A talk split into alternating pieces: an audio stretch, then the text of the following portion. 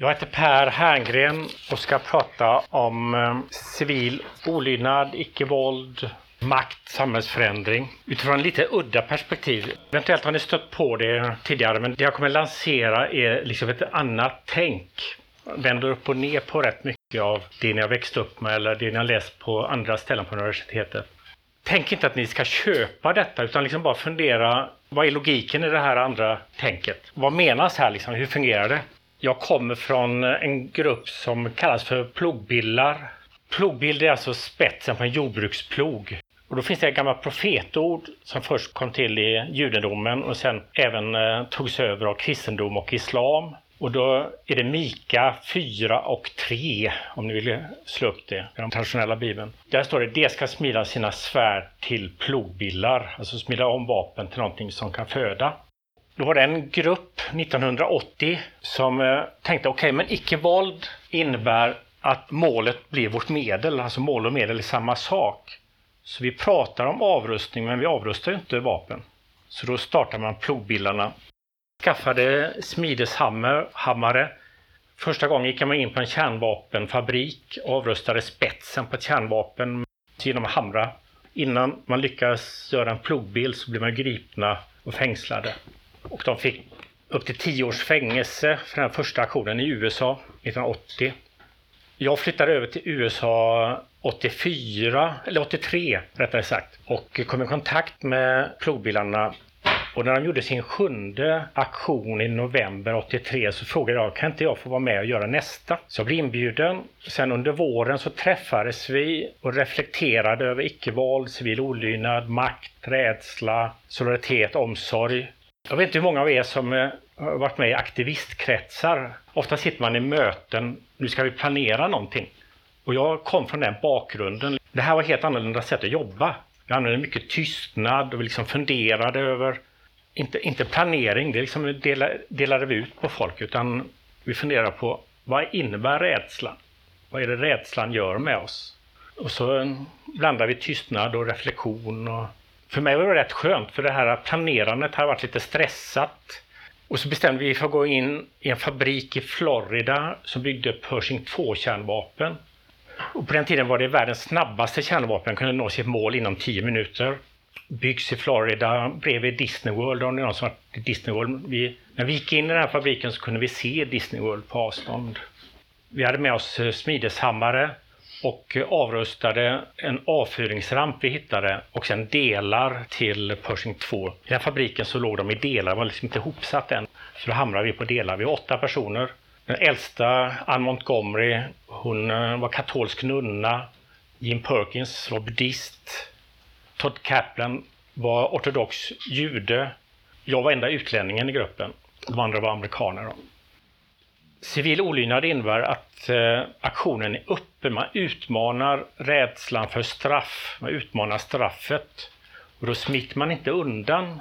Då får man ju egentligen bara bekräfta straffets makt eller rädslan för straff.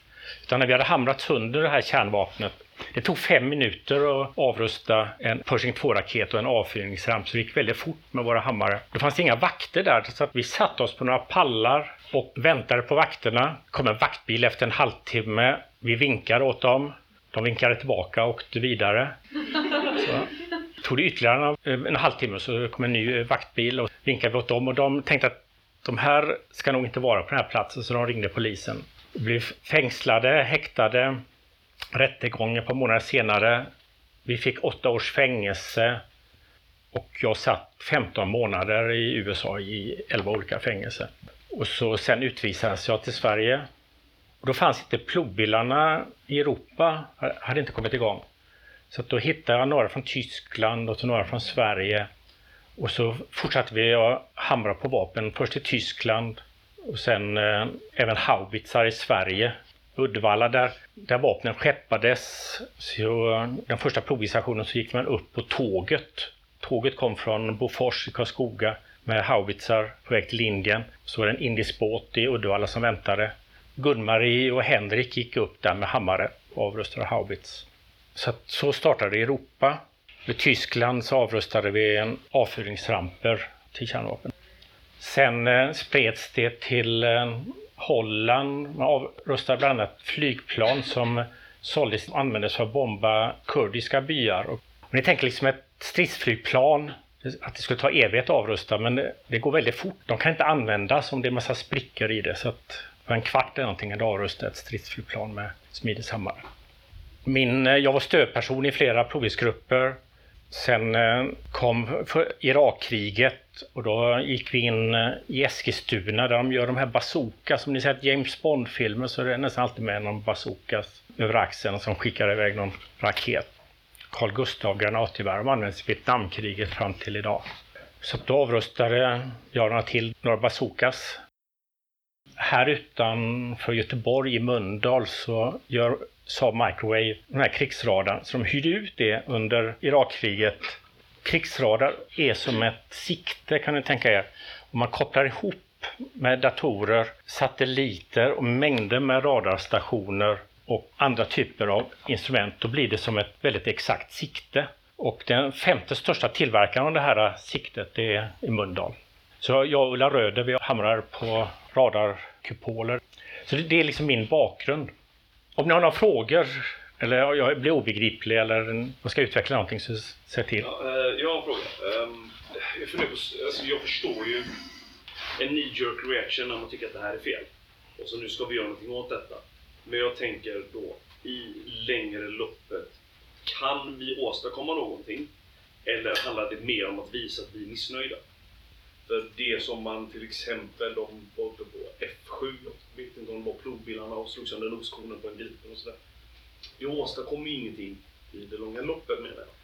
Det jag menar är, vad är tanken bakom det? Är det bara missnöjet för att visa att vi står inte för detta? Eller? Ja, din, din fråga, en viktig poäng med det här, de här två timmarna. Om vi tittar på Gandhi, det här kommer ju från Gandhis tänkande. På 30-talet så menar eh, han att mål och medel är samma sak. Så vill vi ha jämlikhet så, så är vårt medel också jämlikhet.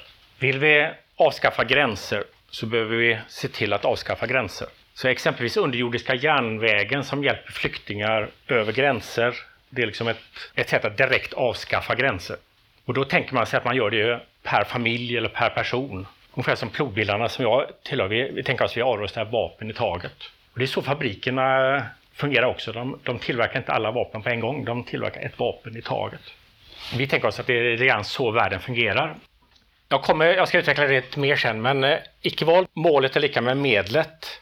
Jag bor i Hammarkullen, och uppväxt i Hammarkullen, var barn i Hammarkullen. Och då har vi en karneval varje år.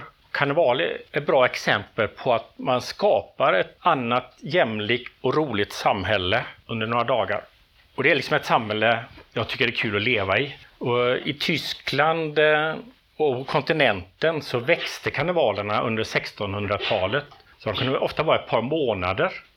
Precis bredvid då ett hierarkiskt system som var ju diktaturer så skapades någon sorts jämlikt system där man hade masker för att dölja status. Sen fanns det dårarnas fest där biskopen var tvungen att vara tiggare och tiggaren fick vara biskop. Alltså man bytte roller, det kallas för dårarnas fest. Så att mål och medel blev samma sak. Börja inte kasta grejer på mig, ni som demonstrerar, men om ni har varit på en demonstration så frågar jag ibland, är det här det samhälle vi vill ha? Många demonstrationer är väldigt tråkiga. De, de ropar liksom förenklade rop och man går i led. Det liksom ser inte så, så kul ut. Så att eh, demonstrationer måste vara instrumentellt och det är motsatsen mot icke-våld. Instrumentellt är att man tänker sig att vi gör någonting för att uppnå något annat. Vi gör inte det vi vill uppnå utan vi gör någonting för att vi vill att kanske att regeringen eller opinionen eller någon annan grupp ska utföra detta i kanske om hundra år eller om... Tänk er instrumentellt handlande. Det är det som har slagit igenom rätt mycket bland aktivister. Alltså, karnevalen tycker jag är liksom ett bra exempel på ett annat sätt att leva det samhälle vi vill ha. Karneval var ju tidiga med att queera långt innan det ordet uppfanns. Man queerade olika ordningar, både könsordningar men också maktordningar och Queer betyder att märklig, konstig, alltså göra märklig, göra konstig, göra annorlunda. Avvika blir ett ord här då som blir liksom ett, det politiska ordet i den värld jag kommer ifrån. Medan bland eh, protestaktivister är det ofta liksom, hur ska vi få dem att lyssna på oss? Och då kan man säga att eh, icke-våld och civil olydnad har ett väldigt märkligt sätt att tänka världen. Man tänker världen mer platt. Föreställningen är ju att det är någon kejsare eller någon regering som bestämmer. Här tänker man att det är liksom mängder med regerande organ. Så att här i det här huset finns en massa regerande organ. Så världen består av myller av regerande organ. Nu, nu kommer jag in på lite svåra grejer, så att avbryt mig om jag blir obegriplig här då. Men då tänker man sig att världen bara består av de här strukturerna och handlingarna som skapas när vi skapar dem. Inte som individen utan tillsammans, alltså vi skapar en ny ordning. Och eh, om man tittar på Gandhis mest kända aktion så var det så att salt hade engelsmännen, alltså kolonialherrarna i Indien, monopol på. Och istället för att Gandhi bad kolonialherrarna, snälla ni kan inte ni skapa ett mindre rasistiskt och apartheid och kolonialt samhälle, så befriade man saltet. Man gick och bröt salt själva. Sen smittade det av sig ut med kusten så att en del forskare hävdar att det var kanske 100 000 som inom några veckor bara hade börjat bryta salt. Så då kollapsar kolonialismen över saltet. Man bör ockupera saltfabriker, ta över dem. Några år senare så var medborgarrättsrörelsen, Rosa Parks, känner en del av er till kanske.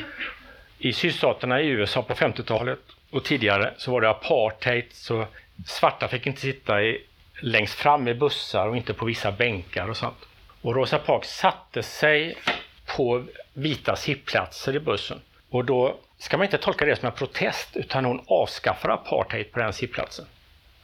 Mål och medel var samma sak. Så tills hon blev gripen, en halvtimme senare, men tills hon blev gripen så hade hon avskaffat apartheid, precis som Gandhi befriade salt eller provbilar avrustade vapen. Och sen smittade det av sig så att det skapades en, eh, en aktionsform som hette Sit-In. Då gick man in på restauranger som hade vita sittplatser, satte sig på vita sittplatser, inspirerad av Rosa Parks. Så avskaffar apartheid tills de blir gripna. Och det intressanta här är att då helt plötsligt gör sig Ku Klux Klan och sydstatspoliserna till proteströrelse. De säger nej, så kan ni inte göra. Och i och med att de då protesterar och säger nej så upphöjer de Rosa Parks, Martin Luther King, medborgaraktivisterna till aktörer. Till de som gör någonting som de inte vill. Så man kan liksom säga att Ku Klux Klan och sydstatspoliserna är strategiskt extremt klantiga. Alltså de gigantiska rörelser med väldigt stor makt och så försätter de sig i en position i underläge. Och så upphöjer de eh, de här aktivisterna. Medborgarrättsrörelsen vägrade protestera, vägrade säga nej. Där man, man, skapade, man levde i det samhälle man ville ha. Och man ingrep, tar sig in där våldet och förtrycket finns och ingriper. Så det handlar liksom inte om att skapa någon sorts liten utopi långt bort. Utan icke-våld går in i våld och förtryck. Så ändrar på ordningen. Och då smittar det av sig och så, så smittar det ända upp till Högsta domstolen som förbjöd apartheid. Då lanserade vi, det här är 2005, ett begrepp postprotest för att begripa icke-våld eftersom protesten är så dominerande. Då är tanken att vi behöver lämna protest och nej-sägande och så lever de mål vi vill ha. Det kan ju vara ekologiskt. Jag och några till vi gick in och byggde vindkraftverk inne på Ringhals kärnkraftverk vid ett tillfälle. Vi lyckades bygga hela vindkraftverket, men vi lyckades inte koppla in det. Alltså att leva lösningen. Och då blir de andra, alltså åklagare, polis, proteströrelsen, de nej-sägarna. Så de ger oss kraft på det sättet. Det måste vara någon, eh, någon protestant här som tycker jag är ute och cyklar. Är det begripligt det jag säger? Det handlar inte om att köpa eller eh, det jag säger utan bara mer att, om det är begripligt. Ja? Har ni sett några faktiska resultat från det ni gjort? Alltså typ när ni slog sönder alla vapen och sånt, har det kommit några faktiska resultat efter det? Att typ, som de skickas iväg eller att de slutat sälja vapen eller någonting? Ja. Eh, har vi sett några resultat? Resultatet är ju varje aktion. Så har vi inte avrustat ett vapen eller avskaffat apartheid på en sittplats utan vi liksom blir gripna innan, då har vi inte lyckats Vi menar ju att vi får resultat i varje handling. Men räknar man ihop det, det tog mig några år innan jag fattade detta. Det är liksom lite svindlande. Så med små smideshammare har vi nu avrustat mer sprängkraft. Det har använts i alla krig från stenåldern till idag. Och eh, i Tyskland förbjöd man Pershing 2. Jag hamnade ju på Pershing 2 kärnvapen. Man förbjöd Pershing 2 i slutet på 80-talet efter all civil olydnad. Och så började man betala ut skadestånd till de som satt i fängelse i Tyskland för civil olydnad på Pershing 2 eftersom Pershing 2 ansågs som ett, ett brott mot mänskligheten av Högsta domstolen i Tyskland. Och eh, i Skottland och England så har eh, under en, rätt många år som avrustat Trident-ubåt. Trident-ubåt har eh, stridsspetsar för ungefär, eller man kan ha stridsspetsar för som motsvarar ungefär 900 Hiroshima-bomber på en enda Trident-ubåt. Har de eh, haft fyra, fem Trident-ubåtar. Så i princip skulle ju England då kunna utplåna fyra kontinenter. Så tror man att de här används inte. Jo, de används i varenda krig, precis som en rånare använder ett vapen. Alltså rånare som går in någonstans på en bank eller affär vill ju inte skjuta, de vill ha pengar. Så att man går in och hotar med vapnet. Så i alla de här Irakkrigen, då försvinner Trident-båtarna från baserna. Icke-våldsrörelsen håller på att bevaka dem dygnet runt hela tiden. Så att det enda tillfället då försvinner alla Trident-båtar och så lägger de sig i krigszonen som någon sorts rånarvapen. Till exempel en kvinnogrupp avrustade datorsystemet Trident och åklagaren hävdade att det var 100 miljoner kronor som det kostade. Och det var en månads rättegång och domaren sa jo men det får ni göra. Trident ett olagligt vapen. Så den här kvinnogruppen blev frikänd. Det blir kalabalik eh, bland vapenföretagen. Vad ska vi göra nu om vi inte skyddas av lagen? Så de hade krismöte. Så att det är en kamp som pågår. Men om ni går bakåt i historien och tittar på alla de stora konstitutionella eh, förändringarna som demokrati, strejkrätt, religionsfrihet, yttrandefrihet så har de alltid föregåtts av någon form av olydnad, ofta liknande civil olydnad. När det gäller religionsfriheten så pågick ju den i flera hundra år. Yttrandefriheten kanske 70-80 års kamp. Strejkrätten, första strejken var i Sundsvall eh, 1860 och strejkrätten är väl i början på 1900-talet. Så där 40-50 års olydnad innan det ändras. Så tittar ni liksom på grundläggande kvinnlig rösträtt, speciellt i USA och England, föregicks av olydnad. Det är Henry David Thoreau, Thoreau en amerikansk författare, filosof, som 1849 uppfinner civil olydnad i den här moderna formen. Då menar han att problemet är inte regeringar, utan problemet är lydnaden. Det finns ingen regering som har makt. Det går inte att ha makt, så man kan säga att han lanserar makthavare ateism. Tänk på någon som ni tänker har makt. Vad har den lagt? Vad, vad har den makten någonstans? Är det något skåp? Låser den om in makten där eller var finns makten? Så tanken i, i vår värld är att makthavare är en myt. Makt kan bara ges hela tiden genom samarbete och lydnad. I sagorna finns det ju då andar och sånt som har makt. Men i vår värld så, så är det egentligen en myt som gör att vi omyndigförklarar oss själva. Det som händer i USA just nu, görspännande. Vet att tre delstater har utropat sig till fristäder och 63 städer har också utropat sig. Deras egna poliser och byråkrater får inte samarbeta med immigrationsmyndigheterna. Kalifornien och två delstater till utropar sig till fristäder. Så man samarbetar inte med immigrationsmyndigheterna. Tänk om det skulle kunna hända i Sverige. Städer och organisationer är alldeles för lydiga här. Ja. Menar du specifikt den personen då? För det måste det är ju ändå någon makt som, när, när du väljer att göra någonting och de fysiskt tar dig till fängelset. Fattar du? Det, I systemet ligger det ju viss makt över, över dig. Du kan inte göra vad som helst utan att du blir påverkad på något sätt. För makt är verb i min värld. Då. Så att makt är hela tiden nära eh, samarbetet, lydnaden. Fortfarande vägrar lyda så är makten borta just där. Så i praktiken egentligen så varje natt försvinner i stort sett hela Sverige och kapitalismen. Så folk måste komma ihåg makten så de kan börja lyda på morgonen igen. Gå till jobbet och bli konsumenter och sånt där. Alltså det är en viss verksamhet är kvar på nätterna men en stor del av kapitalismen och eh, nationalstaten Sverige är borta över natten. Ja. Jag, jag tänker just det, ser på det, man ser just den här makten och man ser det då som något negativt.